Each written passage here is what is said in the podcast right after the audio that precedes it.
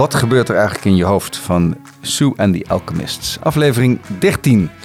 Toen we dit uh, gesprek gingen opnemen was net Sebastian Kurz, de bondskanselier van Oostenrijk, afgetreden in het belang van de natie, omdat er uh, allerlei beschuldigingen tegen hem waren. En hij zei van nou in het belang van het land uh, treed ik terug, zodat die in alle rust onderzocht kunnen worden.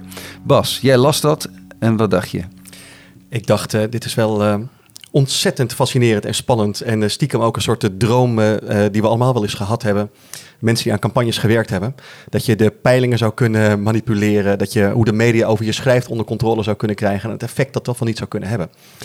Want dat is natuurlijk een soort van um, heilige graal. We, we, we, kennen allemaal die, die, die periodes dat je ineens ziet dat een partij opkomt of dat ineens de, iemand in de media niets fout kan doen of niets goed kan doen. En er zijn altijd van die golfbewegingen die er, die er plaatsvinden. En als je die golfbewegingen kan sturen, dat je natuurlijk net op een golf zit tijdens verkiezingen, dan is dat natuurlijk ontzettend machtig. En um, ik denk een mooi, mooi voorbeeld van afgelopen uh, jaar was bijvoorbeeld eerst uh, was D66, die uh, eerst een campagne begonnen. Voordat de debatten plaatsvonden en die campagne liep echt voor geen meter. Die peilingen bleven maar naar beneden gaan. Alles mislukte, stond op 13 geloof ik. En dan zie je dat op een gegeven moment uh, het eerste debat, tweede debat is. En dan uh, Kaag die houdt zich duidelijk niet meer aan de afgesproken plannen, gaat zichzelf uh, zijn daar. En dan ineens zie je dat ze best aardig presteerde. Ik geloof ze derde werd of zo daarna. En iedereen zei, nou, dat deed ze best aardig. Maar uiteindelijk wordt je altijd afgerekend op, de, op het verwachtingenpatroon. Maar ze, ze presteerde dus boven verwachting. En wat je dan dus zag, dat de media keerde haar kant op, de kiezers ook. En, en ineens, doordat zij, eigenlijk het werd een soort zelfversterkend effect. Ze gingen positief over haar schrijven. En daardoor gingen die peilingen omhoog. En dat iedereen schreef de peilingen omhoog gingen, gingen de peilingen nog meer omhoog. En ineens kom je in zo'n, in zo'n spiraal omhoog. En als je zo'n spiraal natuurlijk kan sturen, dan, nou, dat is dan een soort aanname die we hebben, dan, dan kun je natuurlijk ontzettend veel voor elkaar krijgen. En deze boef in, uh, in Oostenrijk, die heeft dat dus gewoon gedaan. Ah, boef, boef, boef is een keurige meneer met het, het landsbelang voor ogen. Juist, ja, de, deze keurige meneer met het landsbelang voor ogen heeft dat dus gewoon gedaan. Die heeft daar gewoon een zak geld tegen aangegooid. En ik denk dat we met z'n allen heel hard in die data moeten gaan duiken Want, daar. Wees eens wat specifieker, wat heeft hij gedaan? Nou, wat ik begrepen heb, het wordt natuurlijk allemaal nog onderzocht. Heeft hij peilingbureaus en kranten betaald voor positief nieuws, voor positieve peilingen. Dus kranten gaan zeggen dat je in de lift zit. Of kranten gaan zeggen dat je het heel lekker doet. Waardoor iedereen ook gaat geloven dat je het heel lekker doet. En dus iedereen gaat schrijven dat je het heel lekker doet. En dan stijg je in de peiling en iedereen, hij, hij doet het blijkbaar echt lekker. En dan ga je nog verder omhoog en zo creëer je je eigen spiraal elke keer. En dat is natuurlijk een, een, ontzettend interessant fenomeen. En in Oostenrijk hebben we nu dus harde data van of dat inderdaad werkt, die aanname. En uh, ik zou dat wel eens willen bestuderen, of dit inderdaad Klaas Dijkhoff, je hebt er middenin ja. gezeten. Ja, ik moet natuurlijk even voor, voor de record zeggen dat uh, dit zijn beschuldigingen aan het adres ja. van Sebastian Koerts. Niet bewezen. Moet een beetje op mijn netwerk letten. um, uh, maar goed, het, het, is, ik las ook wel dat in Oostenrijk al langer wel een, een soort probleem is of cultuur is waarbij er een dichte banden zijn tussen de politiek en de media. Ook echt nog kranten hebt die duidelijk bij een partij horen. Hm. Maar ook de kranten gesubsidieerd worden op een manier dat partijen heel veel budget hebben om advertentieruimte in te kopen. En dat oh. je ook ziet dat partijen wel hun favoriete kranten hebben om dat bij te doen. En daar roept de vraag natuurlijk op, ben je dan nog uh, objectief als journalist als jij een grote adverteerder beschrijft? Of schrijf je dan net iets positiever over een grote adverteerder dan uh, wanneer je dat niet had gedaan. Uh, hier gaat het ook over het manipuleren van peilingen. En dat is, wat ik wel interessant vind, is hoe die, die want ik ben het helemaal eens met Bas. Uh, peilingen creëren een eigen dynamiek. Hè. Er zijn ook landen waar je een week voor de verkiezing geen peilingen mag brengen. Of oproepen dat het eigenlijk een soort wetenschappelijk gevalideerd iets moet zijn. Helemaal neutraal en niet commercieel mag.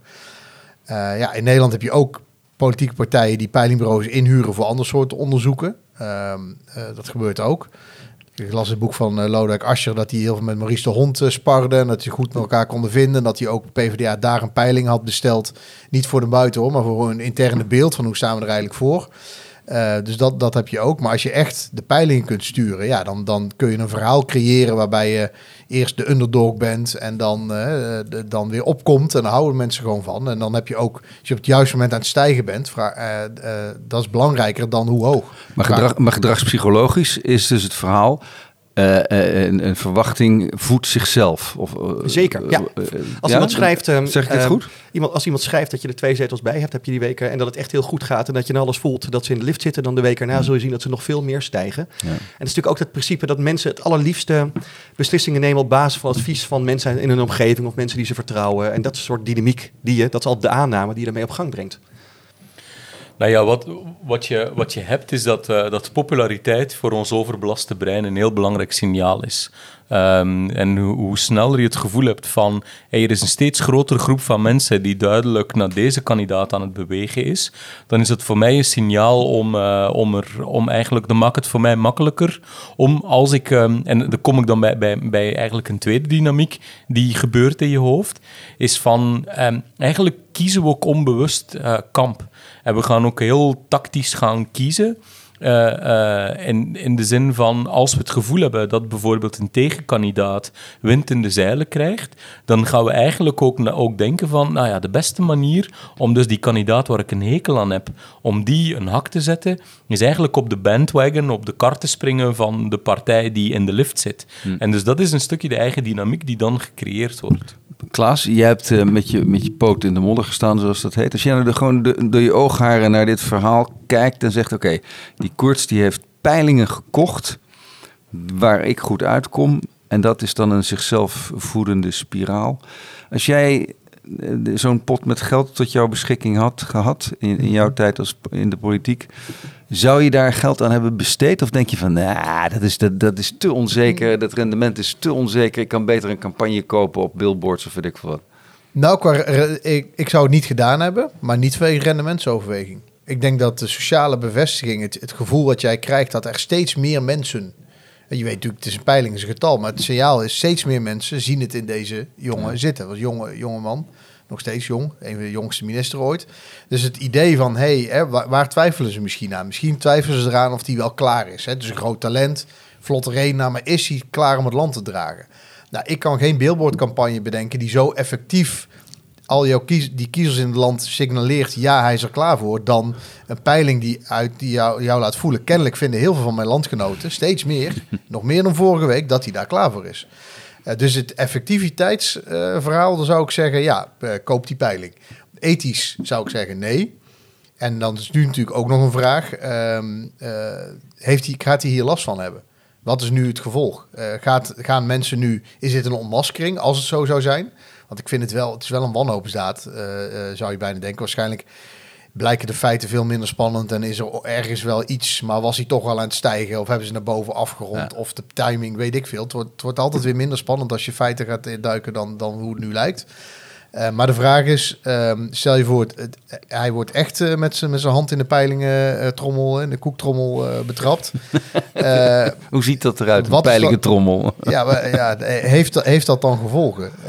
daar ben ik wel benieuwd naar, of hij hier last van gaat hebben. Of het een ontmaskering is, of dat okay. het nu eigenlijk niet meer uitmaakt, omdat ze al op hem gestemd hebben en al in hem geïnvesteerd zijn. We gaan het zien. Ik wil ook maar, nog, mag nog één ding Ja, ja, nee, zeker. Sowieso over, het hoeft niet zo heel zwart-wit bedrogen te zijn om er wel heel veel profijt van te hebben.